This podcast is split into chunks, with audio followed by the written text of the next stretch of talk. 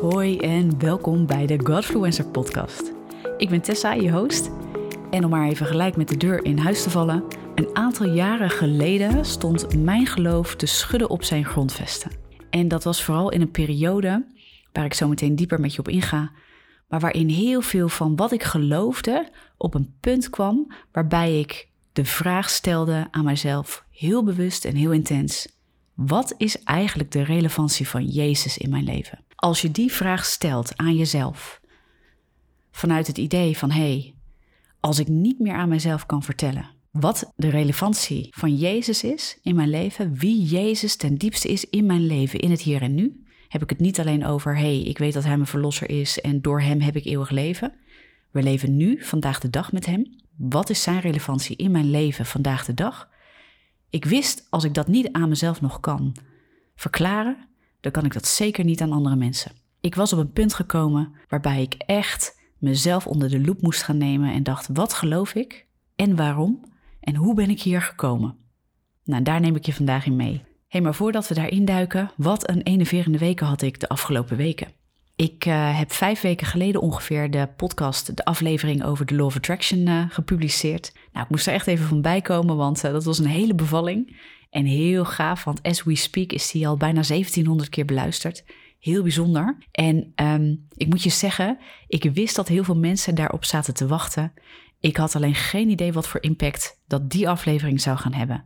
Ik heb superveel mooie, gave, hele diepe reacties gehad van jullie. Ook veel vragen en heel veel mensen die echt zijn aangeraakt door die aflevering, doordat ze echt veel meer inzicht hebben in wat is dat ding nou? Hoe ga ik daar nou mee om? Of hoe kan ik daar naar kijken als christen? In ieder geval op een manier dat ze er bewust keuzes in kunnen maken. Nou, dat, dat is fantastisch. En daarnaast heb ik ook echt wel mensen gehad die niet zozeer christen zijn, maar die wel zoekende zijn. En die zeiden, joh, Tessa, heel helder uitgelegd. Ik kan hier wat mee. Ik, ik kan dieper nadenken nu over een aantal dingen. Dus ja, weet je, dat vond ik heel gaaf. Maar ik kreeg ook de vraag, Tessa, ik vind het tof hoe diep je bent gegaan, maar hoe ben jij daar nou gekomen? Wat heeft jou nou in beweging gezet om zo uitgebreid een onderwerp als de Law of Attraction uit te diepen en te onderzoeken aan de hand van de Bijbel en zelfs ook een stukje aan de hand van uh, wetenschappelijke inzichten daarover? En dan dat met ons te delen. Wat gaat er achter schuil? Nou, daar wilde ik het vandaag met je over gaan hebben. Ja, en ik weet niet of je me al wat langer volgt, maar in deze podcast neem ik je heel graag mee in gesprek over God, over mindset, gezondheid, over dat wat het leven ongenuanceerd op ons pad brengt en vooral hoe gaan we daar dan mee om. Nou ja, en dit soort vraagstukken zijn daar dus ook onderdeel van. Maar wat ik toch wel even gezegd wil hebben, vind ik wel echt heel leuk om te kunnen benoemen ook, is dat deze podcast en heel veel andere dingen die ik ook doe op social media en op YouTube, die worden echt mogelijk gemaakt door de partners van Tessa van Os Ministries. Heel gek om dat zo een keer uit te spreken, maar sinds dit jaar heb ik met mijn team een stichting opgezet en dat heet Tessa van Olst Ministries. En de mensen die daarin bijdragen, ook financieel, die maken dus mogelijk dat dit soort content naar buiten komt en beschikbaar is voor iedereen die het wil horen. Dus nou, dat wou ik toch eens even gemeld hebben, want ik vind het super tof dat deze mensen zaaien in de bediening en echt geloven in de missie van wat we aan het doen zijn. En uh, ja, en mede mogelijk maken dat jij dus nu ook naar deze podcast zit te luisteren. Maar goed, laten we er even op induiken. Hoe ben ik nou tot dat onderzoek gekomen en hoe ben ik nou tot dat punt gekomen, wat ik net aan het begin meldde, met die diepe, intense vraag van hé, hey, wat is eigenlijk de relevantie van Jezus in mijn leven? Ja, en dus niet echt een bepaalde lichtzinnige vraag die ik mezelf stelde, maar ik twijfelde echt. En nou, weet je, om je goed mee te nemen in wat er nou gebeurde op dat moment in mijn leven. Ik denk dat dit specifieke punt is ongeveer drie jaar geleden, denk ik. En ik zat in een proces waarin ik me was gaan verdiepen in het ondernemerschap. Ik had eigenlijk op mijn hart gekregen de drive van, oh, ik wil wat meer met mijn leven als waar ik me nu mee bezighoud. Ik zocht echt naar een manier om de dingen die ik heel erg heb ervaren als zijnde van God, dat Hij die in mijn leven heeft gelegd, om daar vorm aan te geven, concreet vorm aan te geven. En ik dacht in eerste instantie, dat ga ik doen in de vorm van nou ja, ondernemerschap. Mensen coachen, trainen in bepaalde dingen, zodat zij gezonder worden, gelukkiger worden, uh, nou ja, dingen gaan bereiken, zoals God mij ook geleid heeft. Dat mensen ook gaan ervaren dat als je een bepaalde visie hebt voor je leven, als je op een bepaalde manier met doelen bezig bent, nou, dat het leuk is om mee bezig te zijn en dat het ook uh, gepaard gaat met bepaalde principes in je leven, waardoor ook ja, jezelf ontwikkelen en, en de manier waarop je naar dingen kijkt, dat dat heel helpend is om verder te komen in het leven. Nou, en dat was geboren uit enerzijds ehm, ja, mijn proces, mijn weg en mijn overwinning die ik heb ervaren uh, op depressie samen met God. En de dingen die Hij heeft aangereikt aan mij. Ook principes waarin ik heb geleerd, zoals de vernieuwing van je denken.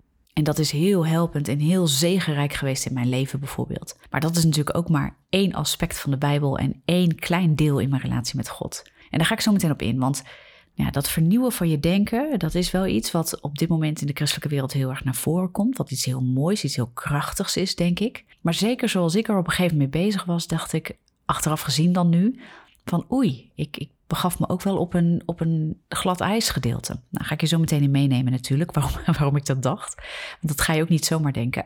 Um, en tegelijkertijd had ik natuurlijk gezien in mijn, in mijn vak, in het werken met mensen, in leefstijl, in gezondheid, wat voor effect het heeft als jij je denken vernieuwt. Hè? Als jij met je mindset anders gaat kijken naar gezondheid, maar ook anders gaat kijken naar de verantwoording die jij zelf draagt in het leven, de keuzes die je maakt en die je hebt en de manier waarop je daarmee omgaat. En ik heb ook heel mooi mogen leren hoe je veerkracht en weerbaarheid kunt opbouwen als mens, zowel mentaal als fysiek. En hoe dat, dat werkt. En dat, daar zijn inderdaad bepaalde principes voor dat als je dat toepast, dat dat werkt. En heel simpel en heel concreet, maar we weten allemaal dat als je nou ja, gezond eet en voldoende beweegt en voldoende rust, dat jouw lichaam daarvan opknapt en herstelt en uh, veerkracht opbouwt en weerbaarder is om met de dingen van het leven om te gaan. zowel fysiek, maar dus ook mentaal. Hè? Dus ja, daar ben ik, dat is natuurlijk mijn vakgebied, dat is mijn ding. En zeker ook mijn eigen overwinning op depressie en de kennis die ik heb opgedaan ook over de werking van je brein. En door daarmee te werken ook met andere mensen heel veel, zag ik ook de wisselwerking in gezondheid, mentaal en fysiek en hoe dat op elkaar uitwerkt. Nou, dan leer je ook zeker als je in die gezondheidszorg zit, in, in, in dat vak zeg maar, in die wetenschap ook die daarachter uh, de dingen onderzoekt, wat voor ons werkt als mensen, wat werkt voor gezondheid, wat goed is voor ons ja, dan zie je ook dat bepaalde principes leiden tot bepaalde resultaten in ons leven. Dat is gewoon zo. En uh, dat is niet verkeerd, dat is prima. Dat is hartstikke mooi. Daar heb je ook wat aan. Als je dat inzicht krijgt, je wordt er bewust van. En dan, als je bewust bent, ja, dan heb je ook een keuze. En dan kun je keuzes maken in de richting waar het voor jou wat op gaat leveren. Hartstikke mooi, helemaal niks mis mee. Maar op een gegeven moment kwam ik op een gebied, zowel in het geloof hoorde ik steeds meer een soort boodschap van, ga ik het even zeggen, uh, op zijn heel Amerikaans misschien, maar neem it en claim it. Oftewel, uh, ik kwam steeds meer in een soort boodschap terecht. Uh, en daarmee geef ik mensen niet per se de schuld van wat ik ben gaan geloven. Maar als je onder een bepaalde prediking komt, kom je ook onder een bepaalde leer, onder een bepaald denken. En dat is allemaal niet per se verkeerd, maar dan kun je ook gevoelig zijn, misschien wel voor dingen die ja, af gaan wijken van het woord van God. Dus ik leg dat ook wel bij mezelf. Ik onderzoek dat dan bij mezelf. En uh, dat is niet om mensen uh, aan te wijzen van, oh, dat is een verkeerde uh, prediker. Of weet je, we zijn allemaal mens. En we zijn allemaal overtuigd van dingen. En in de goedheid, denk ik, in de goede wil om elkaar te onderwijzen in, ja, in de dingen waarvan we aangaan, waar we van merken, oh, er zit kracht in en dat is goed, want ik zie bepaalde resultaten in mijn leven. Ja, op basis daarvan willen we dat graag ook overbrengen. De vraag is alleen soms wel, welke resultaten zien wij dan als goed? En waar baseren wij dan op dat wij daarin moeten lopen? Nou ja, weet je, dus daar duik ik even met je op in. Maar goed, ik kwam dus steeds meer onder een prediking waarbij, ja, en daar hou ik ook wel van, geloofsprediking. Ik denk dat geloofsprediking ook echt is wat het woord ons vertelt. Jezus die haalt heel vaak aan dat hè, bijvoorbeeld uh, mensen genezen zijn door hun geloof. Jezus haalt het geloof en ook het ongeloof van mensen heel vaak aan. Hij reageert daarop, hij beweegt daarop. Dat is ook wel iets om, uh, om eens te onderzoeken bij jezelf. En ik heb ook echt vrienden die, uh, die echt, dat zijn echte geloofspredikers, ja, fantastisch. Want geloof, dat is echt een, een gegeven iets van God aan ons. Dat heeft natuurlijk te maken met waarvan we ten diepste overtuigd zijn. En Satan wordt ook de leugenaar, de vader van de leugen genoemd. En waarom? Ja, die probeert ons weg te houden van die waarheid, want die weet hoe krachtig wij als mensen kunnen functioneren namens het Koninkrijk van God ook, in het Koninkrijk van God met de Heilige Geest, als wij wandelen in de waarheid. Want de waarheid zet vrij, de waarheid in zichzelf heeft kracht. God heeft dat vastgelegd, God heeft zijn woord vastgelegd en in dat woord zit leven. En ehm, moet ik wel denken aan ehm, Volgens mij is dat spreuken 18, vers 21. Daar staat dood en leven zijn in de macht van de tong. Wij kunnen leven spreken, oftewel waarheid spreken, of wij kunnen de leugen spreken. Het de zonde, daar spreekt de Bijbel ook over, uh, leidt ook tot de dood. Dus als wij zondigen en als wij uh, zonden spreken, zeg maar, als wij vernietiging spreken, als wij uh, kwetsing en gebrokenheid en als we daarin gaan hangen, we gaan onze pijn gaan we heel erg communiceren. Dan kunnen we ook afbreuk doen aan dingen, aan onszelf, aan anderen, aan situaties. Dus dat, ja, dat brengt de dood, hè, vernietiging tot gevolg. Dan gaan dingen kapot. Zo moet je dat een beetje zien, denk ik. En ik denk ook als we het zo uitleggen, dat we mensen, elkaar, onszelf, uh, ook kunnen opbouwen door de woorden die we gebruiken, door de overtuiging die wij dragen. Ja, dat is wel echt een Bijbels ding. En um, ik heb ook de kracht ervan gezien in mijn eigen leven. Onder andere dus ook hoe um, ik overwinning heb behaald met God samen. Vooral dat God heeft de overwinning behaald in mijn denken, waardoor ik tot overwinning kwam in depressie. En dus ik, ik erken en ken de kracht van geloof heel goed. Geloof is het vertrouwen hebben op God, dat zijn waarheid waarheid is, dat zijn wegen ook hoger zijn dan die van ons. En dat betekent niet dat we hem niet kunnen begrijpen. Ik geloof uh, dat, uh, dat die tekst niet zozeer erover gaat dat wij God niet kunnen begrijpen. God zegt juist in diezelfde tekst, en dat is in, um, Jezaja 55 vers 6, daar staat, zoek de Heer terwijl hij te vinden is. Roep hem aan terwijl hij nabij is. Laat de goddeloze zijn weg verlaten, de man van ongerechtigheid zijn gedachten. Laat hij zich bekeren tot de Heere, dan zal hij zich over hem ontfermen. Tot onze God, want hij vergeeft veelvuldig. Want mijn gedachten zijn niet uw gedachten en uw wegen zijn niet mijn wegen, spreekt de Heere. Want zoals de hemel hoger is dan de aarde, zo zijn mijn wegen hoger dan uw wegen en mijn gedachten hoger dan uw gedachten. Weet je, God spreekt daar eigenlijk veel mijn wil is wel uh, te kennen, mijn hart is te kennen. Maar alleen voor de mensen die mij erkennen als God, die mij willen erkennen als God, die mij willen erkennen als, als de verlosser, de koning, de vader. Weet je, dat is wel hoe God spreekt met ons. En wat hij eigenlijk zegt, is ga denken zoals ik denk. Leg de leugens af.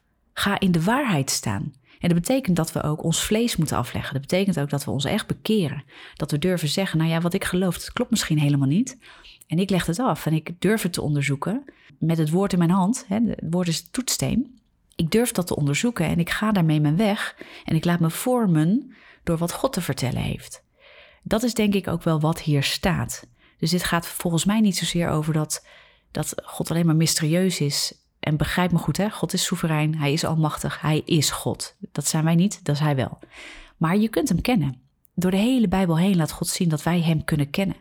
God belooft niet dat wij uh, ons denken kunnen vernieuwen opdat wij de volmaakte uh, en perfecte wil van God kunnen kennen. De welbehagelijke en uh, perfecte wil van God kunnen kennen. Romeinen 12 vers 2 staat dat. Dat zou hij ons niet zeggen als het niet kan. Want dat zou God een leugenaar maken. Nou, dat geloof ik niet. Er is maar één leugenaar, of althans de vader van de leugen, en dat is de duivel. En die wil ons klein houden en die wil ons niet laten wandelen in geloof. Wandelen in geloof is wandelen in de waarheid daarvan doordrenkt zijn, van overtuigd zijn in relatie met God, wetende wie Hij is in jouw leven. Dat is geloof. En daar kunnen wij in groeien. Dat is wezenlijk gegeven.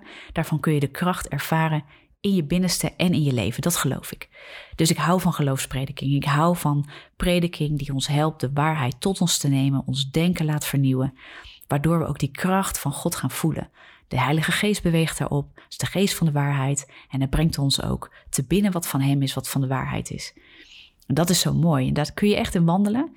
En het woord zegt natuurlijk ook dat ons autoriteit is gegeven in Christus. Op het moment als je van het koninkrijk van de duisternis naar het koninkrijk van het licht wordt geplaatst, ben je in Christus gerechtvaardigd en ben je ambassadeur van het koninkrijk van God. En als ambassadeurs behoren wij eigenlijk die waarheid te brengen, dat licht te zijn voor de omgeving uh, om ons heen, maar ook in ons eigen denken, waar nog gebieden zijn waar we nog vastzitten in oude patronen, in oud denken, in uh, kwetsing, in pijn, in gebrokenheid.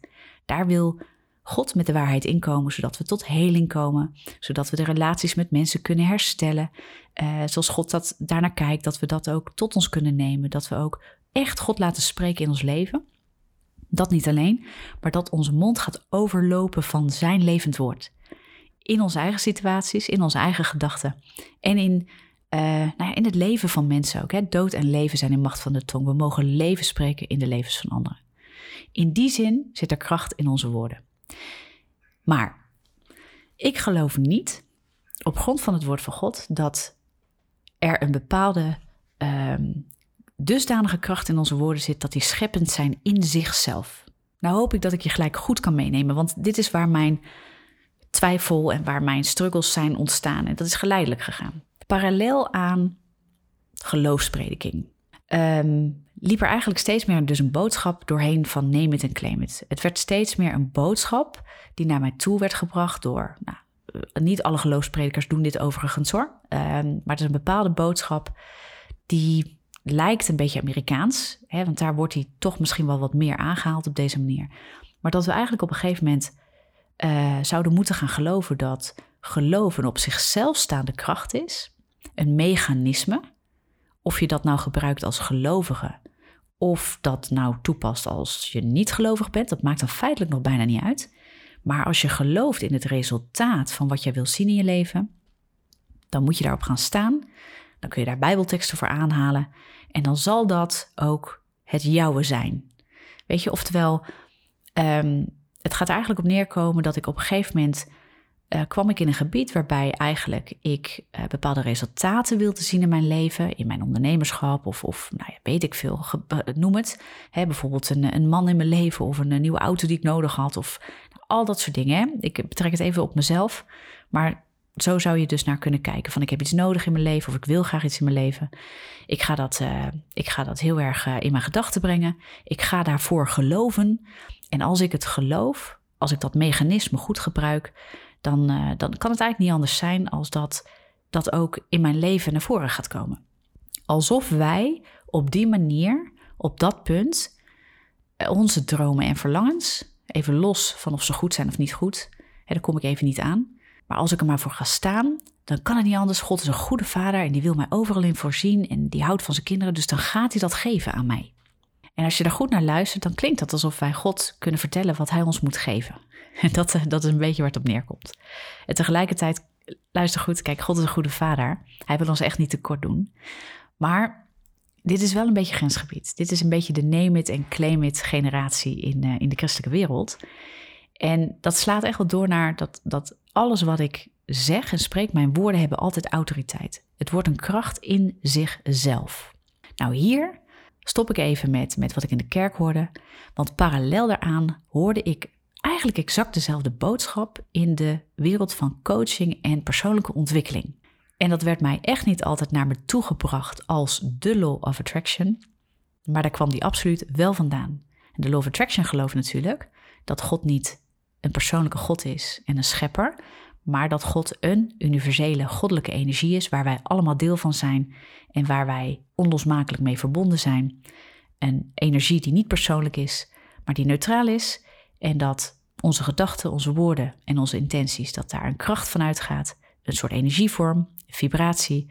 En die vibratie die sturen wij het universum in en het universum kan niet anders als op die vibratie reageren en ons ja, daardoor laten manifesteren wat wij willen zien. Wij worden schepper van onze eigen realiteit en we worden schepper van onze eigen toekomst. Dat is eigenlijk uh, wat de Law of Attraction leert. Nou, dat komt in verschillende vormen, komt dat naar je toe. Wordt ook vrij nuchter gebracht. Maar dat is wat parallel liep. En ik, ik kwam in een soort punt waarbij ik elke keer dacht, ja, dat klinkt heel aannemelijk, want ja, ik leerde ergens in de kerk een soortgelijke boodschap.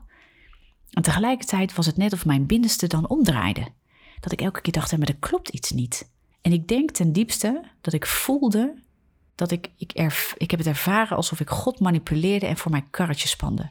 Alsof ik, leef, leef je grote dromen, word de beste versie van jezelf. Alles is mogelijk voor wie gelooft. Ik noem daar ook gelijk eigenlijk een bijbeltekst bij. Of bid en u zult gegeven worden, als je het maar gelooft. Er zijn meerdere teksten aan te halen. En, en ik hoorde dus dezelfde boodschap waar zelfs ook wel bijbelteksten bij aangehaald werden door mensen die helemaal niet in God geloven op die manier, die Jezus niet als verlosser kennen. En dat was dezelfde boodschap, joh, als je het maar gelooft, als je maar de juiste mindset hebt, dan gaan die dingen, die worden realiteit in jouw leven. Maar dan moet je wel goed op sturen. En dat ging bij mij dus dat gekke gevoel geven, dat ik dacht, ja, ho eens even, maar is het dan zo dan dat ik mijn grootste droom kan leven en dat ik de beste versie van mezelf moet en kan worden? Er kwam ook een druk op van moeten, moet ik je zeggen, eerlijk. de lat werd heel erg hoog gelegd, want Ik moest het dan gaan doen. Het was allemaal, het werd heel erg afhankelijk van mijn woorden, mijn gedachten, mijn mindset, mijn houding, mijn gedrag. Want weet je, inherent hieraan, onlosmakelijk hieraan verbonden zit ook het feit dat alles wat rottig is in je leven, dan dus automatisch ook je eigen schuld is. Want ja, dan heb jij waarschijnlijk dat geloofd, waardoor dat is gemanifesteerd in je leven. Nou, en als je nagenoeg dus dezelfde boodschap in de kerk hoort, hè, of, of in ieder geval die boodschap liep in ieder geval ergens in de kerk, kwam ik hem tegen, laat ik het zo zeggen. Niet altijd en niet overal, zeker, zeker niet. Maar bepaalde kringen kwam dat heel erg op die manier naar voren. En het was verwarrend, want ik, ik ben absoluut dus iemand die staat voor geloofsprediking. Ik geloof dat geloof ons gegeven is. Maar losstaand van wie God is, losstaand van geloof in Hem en dat Hij het gaat doen, werd het meer een boodschap van ik ga het doen met het mechanisme geloof. En als ik bepaalde Bijbelteksten dan aanhaal, zoals Marcus 11, vers 24, waar staat: Daarom zeg ik u, alles wat u biddend begeert, geloof dat u het ontvangen zult en het zal u ten deel vallen. Nou, als je die tekst lospakt, dan denk je, nou, ik ben daar. Zo werkt het. Ik moet het alleen maar geloven. En God die gaat het me geven. En ik kwam steeds meer op een punt, en dat is dat moment dat ik op een gegeven moment de vraag stelde aan mezelf: wat is de relevantie van Jezus? Dat ik eigenlijk mezelf hoorde zeggen: als ik zo doorga zoals ik nu doorga, als ik geloof wat ik geloof, op de vlakken waar ik nu bepaalde boodschappen in, in bepaalde kringen van, van het christendom hoorde, hè, dus zeker niet overal en niet altijd overal waar ik was, maar dit zijpelde er doorheen. Dit leek een beetje een populaire boodschap te worden in de kringen waar ik kwam. Maar dat geloofde ik en toen kon ik eigenlijk alleen maar zeggen: ja, weet je, de relevantie van Jezus lijkt er eigenlijk wel op neer te komen dat hij een soort facilitator van mijn verlangens wordt. En dat is wel een schokkende conclusie. En ik ben op dat moment op mijn knieën gegaan. Daar ben ik even heel kwetsbaar in. En ik heb tegen God gezegd: Dit klopt niet. Het feit dat ik dit denk klopt niet. Even los van of de boodschap klopt die ik hoor, of dat ik er verkeerd mee om ben gegaan. Er is iets gebeurd waardoor ik nu op deze conclusie kom. En dit is niet goed. Dit is niet wat de Bijbel zegt over Jezus. Ook niet in het hier en nu. En ik erkende echt wel, begrijp me niet verkeerd, dat Jezus mijn verlosser is en dat ik door Hem eeuwig leven heb. Ik was me daar hartstikke van bewust en dat geloofde ik op dat moment en geloof ik tot op, tot op heden. Absoluut. Maar dit was er ook. Dat ik voor het hier en nu, dat ik zodanig boodschappen hoorde en er zo van overtuigd was geraakt en eigenlijk concludeerde, als ik leef zoals ik nu leef, dan hangt het allemaal van mij en mijn geloof af als mechanisme, dus als een soort ja, wat is dat, een Star Trek Force of zo, weet ik veel, Star Wars. Ik heb er nooit naar gekeken, maar ik hoor mensen die uitdrukking wel eens doen. Een soort kracht in zichzelf. En hoe ik dat aanwend, daarvan is alles afhankelijk in mijn leven. Alles wat manifesteert, alles wat in mijn realiteit komt, dat heb ik zelf gedaan. En dan in het christendom hoorde ik wel van, nou ja, goed, dat is dan een godgegeven geloof en kracht. En daarbuiten hoorde ik, nou, dat heet eigenlijk law of attraction. Is hetzelfde. En alles in mij ging in de weerstand. En ik ben op mijn knieën gegaan. Ik heb tegen God gezegd: Ik geloof niet dat als ik dusdanige conclusie trek als christen, dat ik op de goede weg zit. Ik wil ook niet het kind met het badwater weggooien, want ik weet en ik ken u. U bent een God van kracht. U bent een God die werkt in geloof met ons, die ons autoriteit heeft gegeven, die ook ons kracht heeft gegeven in de woorden die we gebruiken. En dat is niet voor niks, de Bijbel spreekt erover. Maar ik ben ergens ben ik het verloren. Ergens ben ik niet helemaal een goede afslag gegaan. Nou, en dat heeft geleid tot mijn zoektocht. En dat, uh, dat kostte echt wel een stukje vernedering. Ik moest terug naar de basis. En het bijzondere was dat ik uh, in dezelfde periode, dat ik heel vaak die, die, ja, die, dat rare onderbuikgevoel heb gevoeld. Dat ik ook in een dienst, ik ben op een gegeven moment uh, in een dienst geweest ik had het net over dat ik, eh, ik heb ook vrienden die, eh, die echt geloofspredikers zijn. En eh, die hadden een dienst. En daar werd ik heel erg aangeraakt door God, maar er gebeurde ook wat. Het was net of een macht van duisternis mij wilde tegenhouden. Dat is even de meest simpele uitleg. Ik heb dat echt ervaren. Ik heb daar ook een gesprek over gehad, ook met een van mijn, van mijn pastors. En die zei: Tessa, ik geloof dat je je in een gebied hebt begeven waar je ook voor geroepen bent. Om daar een, misschien wel een ander geluid in te gaan brengen. En ik geloof dat die macht zich eigenlijk aan je heeft geopenbaard. En zo heb ik dat ook ervaren.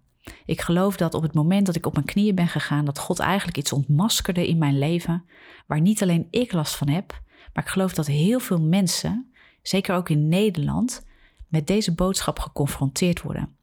En omdat, weet je, het wordt heel erg onder het mom van persoonlijke ontwikkeling gebracht.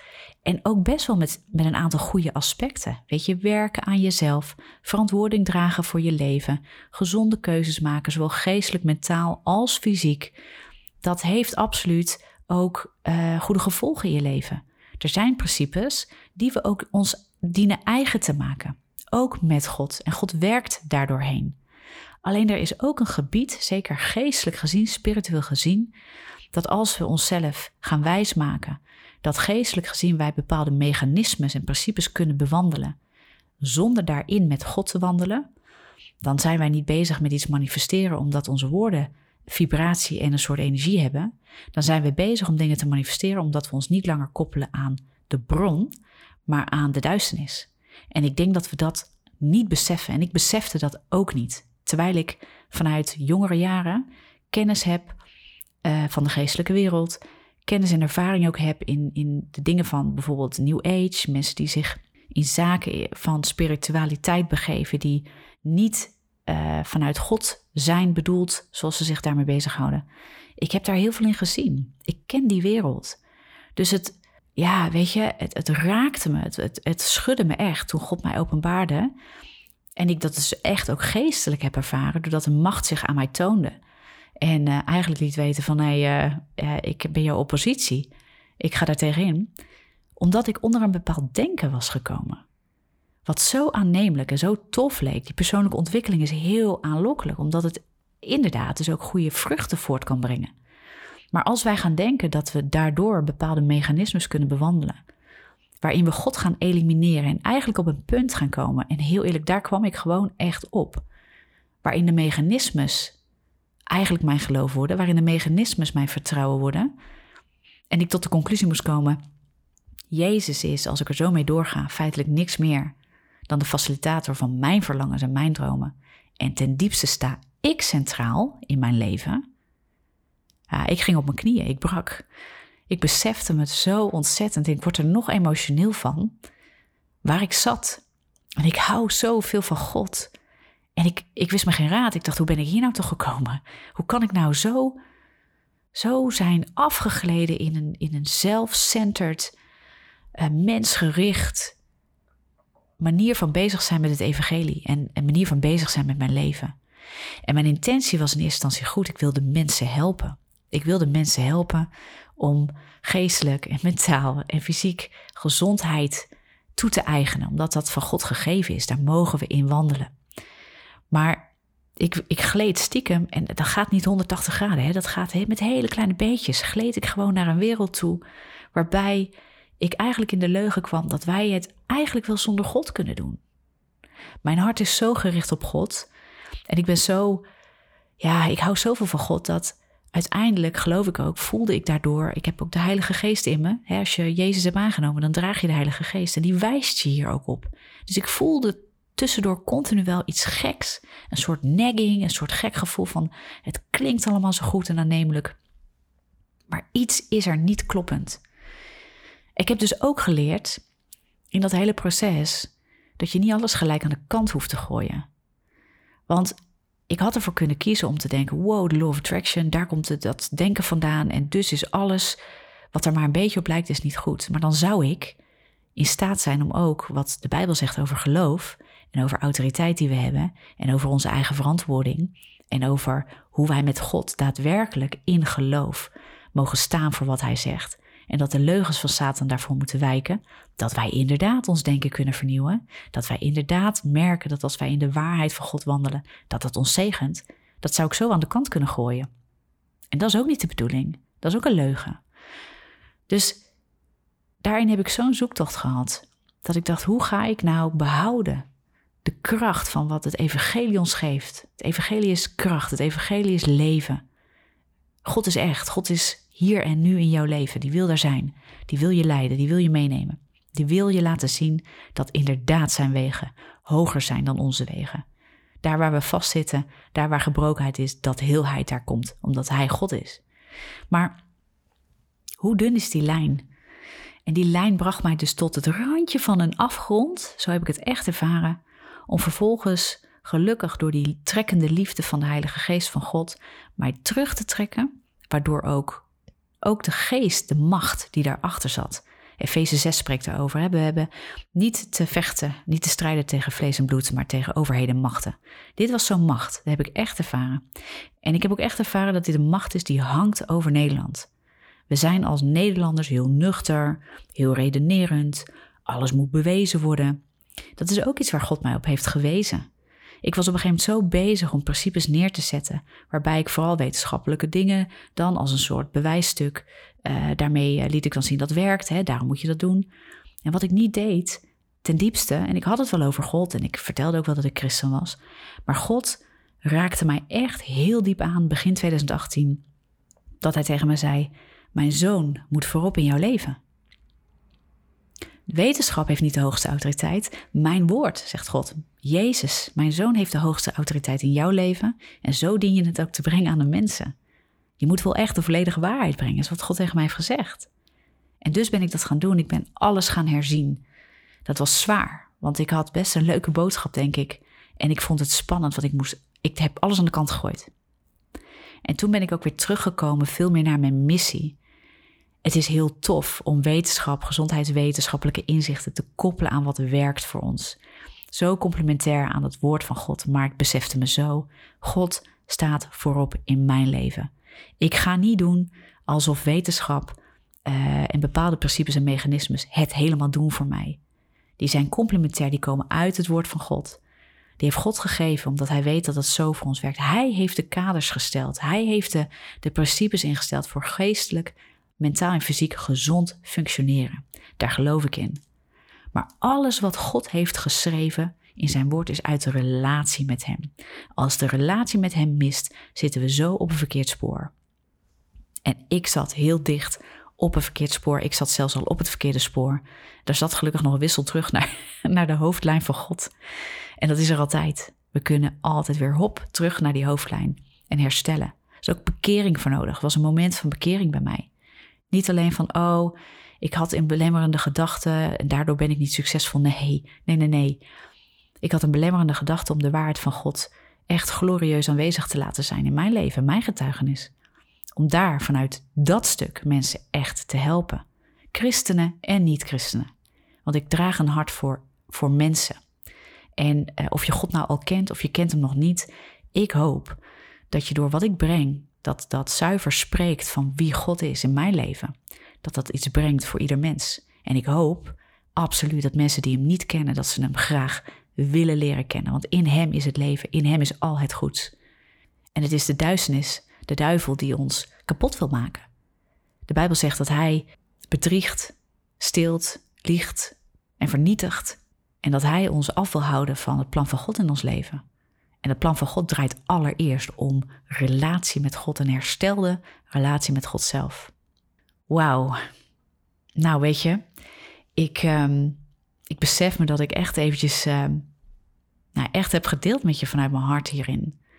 En er zit zoveel nog omheen waar ik over zou kunnen delen. En ik, wat ik ga doen is de komende tijd, ik ga bepaalde dingen, bepaalde onderwerpen die uh, iets kunnen oproepen in dit gebied. dus termen als name it en claim it uh, is zo'n term. Decree en declare, daar heb ik ook weer, laatst ben ik daar weer aan het onderzoeken geweest. Want de Bijbel leert ons absoluut dat wij het woord van God mogen verklaren over ons leven, over de levens van anderen en in onze situatie. dus wij mogen absoluut uh, spreken, het woord van God. Daar is kracht aan verleend, omdat God het heeft ingesteld. En uh, daar ga ik, ga ik ook nog een podcast over maken. Maar hoe zit dat dan? Hè? Wat is dan het verschil met bijvoorbeeld zoiets als nemen te claim it? Dat ik uh, dingen ga claimen en dat ik eigenlijk geloof dat God het dan mogelijk maakt voor mij omdat ik het maar hard genoeg geloof. Weet je, waar zit die grens? Dus daar ga ik echt nog wel op in en dan ga ik dus ook weer, net als met de Law of Attraction, ga ik dat weer, uh, nou ja, weer leggen vanuit het woord van God. Wat geloven we nou? Wat is het nou? Waar kunnen we nuanceren? Waar gooien we het kind met het badwater niet weg? En waar mogen we instappen? Want de kracht van geloof is reëel. Dat is onze relatie met God. Allereerst komt geloof uit geloven wie God is voor jou en voor mij. En wie Hij wil zijn ook in ons leven. En daar gaat zoveel van uit. Dus daar wil ik niet aan tekort doen. Ook niet met deze podcast. Maar ik wil je ook laten weten en heel eerlijk met je zijn waar ik in ben beland. En uh, in Nederland is gewoon het humanistisch denken, de mens centraal en de mens kan eigenlijk alles als de mens zich maar op de juiste manier ontwikkelt. Dat loopt heel erg synchroon met heel veel vormen van spiritualiteit, gebaseerd op Oosterse religie, waarin we eigenlijk in spiritualiteit ook leren dat we onszelf kunnen verlichten door maar de juiste geestelijke principes ehm, ja, op de juiste manier te bewandelen. Zoiets als de law of attraction. Dat is een geestelijke wet, wordt dat genoemd. Ja, die lijn is soms heel dun. God heeft wel degelijk dingen ingesteld en we weten ook dat daar zegen op rust.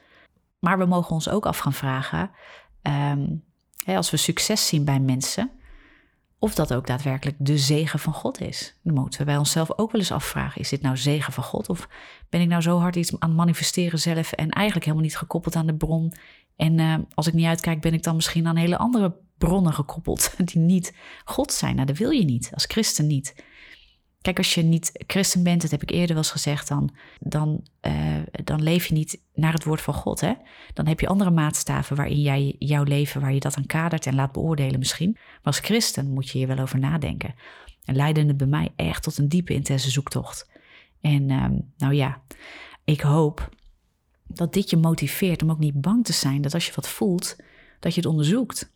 En dat je ook niet bang bent dat je fouten maakt, omdat God je altijd terugleidt naar de waarheid daar is het ook wel een voorbeeld van. Want kijk, ik zat, ik zat echt op de weg van, oh, dit is goed. En ik wilde daar mensen mee helpen. De intentie was goed, dat ziet God ook wel. Alleen God zag ook van, hé, hey, dit gaat de hele verkeerde kant op. Maar als je Gods zoekend bent, als je Gods hart zoekt, is zijn belofte gewoon dat je altijd bij hem terugkomt. En we moeten de kracht van het evangelie niet verliezen. Dus we moeten niet zomaar alles aan de kant gooien, omdat de duivel ook wel probeert ja, dingen na te doen, waardoor hij eigenlijk wat weg probeert te stelen van God en ermee vandoor gaat. En wij krachteloos achterblijven als christenen als we dat ook toelaten. Dus dat is ook niet de bedoeling. En tegelijkertijd is het woord ook heel duidelijk over dat we ons niet moeten laten misleiden door doctrines of demons, zoals dat wordt genoemd. Hè? Dus um, ja, leringen die niet uit God zijn. Daar wil ik je nog een tekst in meegeven. Dat is uit uh, Colossense 2, vers, uh, vers 8. Want dat is ook de, de tekst die God heel erg naar mij toebracht in, uh, in 2018. Toen ik een ontmoeting had met hem en dat hij zei: Tessa, Jezus moet voorop in de boodschap die je brengt. En dat moet zuiver en helder zijn. Ook met onderwerpen als persoonlijke ontwikkeling en spiritualiteit en dat soort dingen. En toen kreeg ik deze tekst. En um, ja, die was voor mij heel verhelderend. En daar staat het volgende: Colossense 2, vers 8.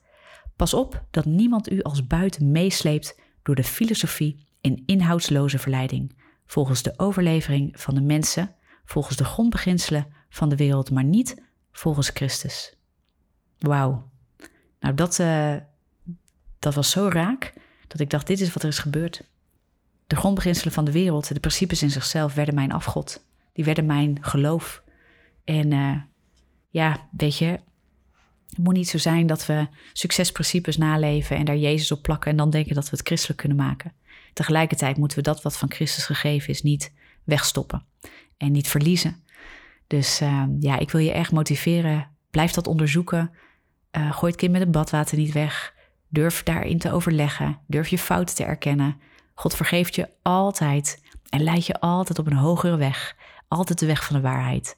En uh, nou weet je, daar wil ik mee afsluiten. Er gaan dus nog echt wel nou ja, hele interessante podcasts, denk ik, komen. Ook in gesprek met mensen. Ik heb eh, binnenkort een gesprek met iemand die komt echt uit New Age. Die heeft daar diep in gezeten. En die uh, heeft Jezus ontmoet uh, als haar koning en verlosser. Ja, en dat, dat is ook iemand die, die weet van deze dingen. En het is zoeken in, in waar ligt nou die lijn? En waar kunnen we nou onderscheiden wat de goede en welbehagelijke wil van God is? Romeinen 12, vers 2. Hey, be blessed. Ik hoop dat je hier wat aan hebt. En ik weet dat mensen, ja, weet je, het raakt als we onze persoonlijke verhalen durven te delen. En, um, en dat jullie dus ook weten van, hé, hey, daar komt dat dus vandaan, daar heeft Tess gezeten.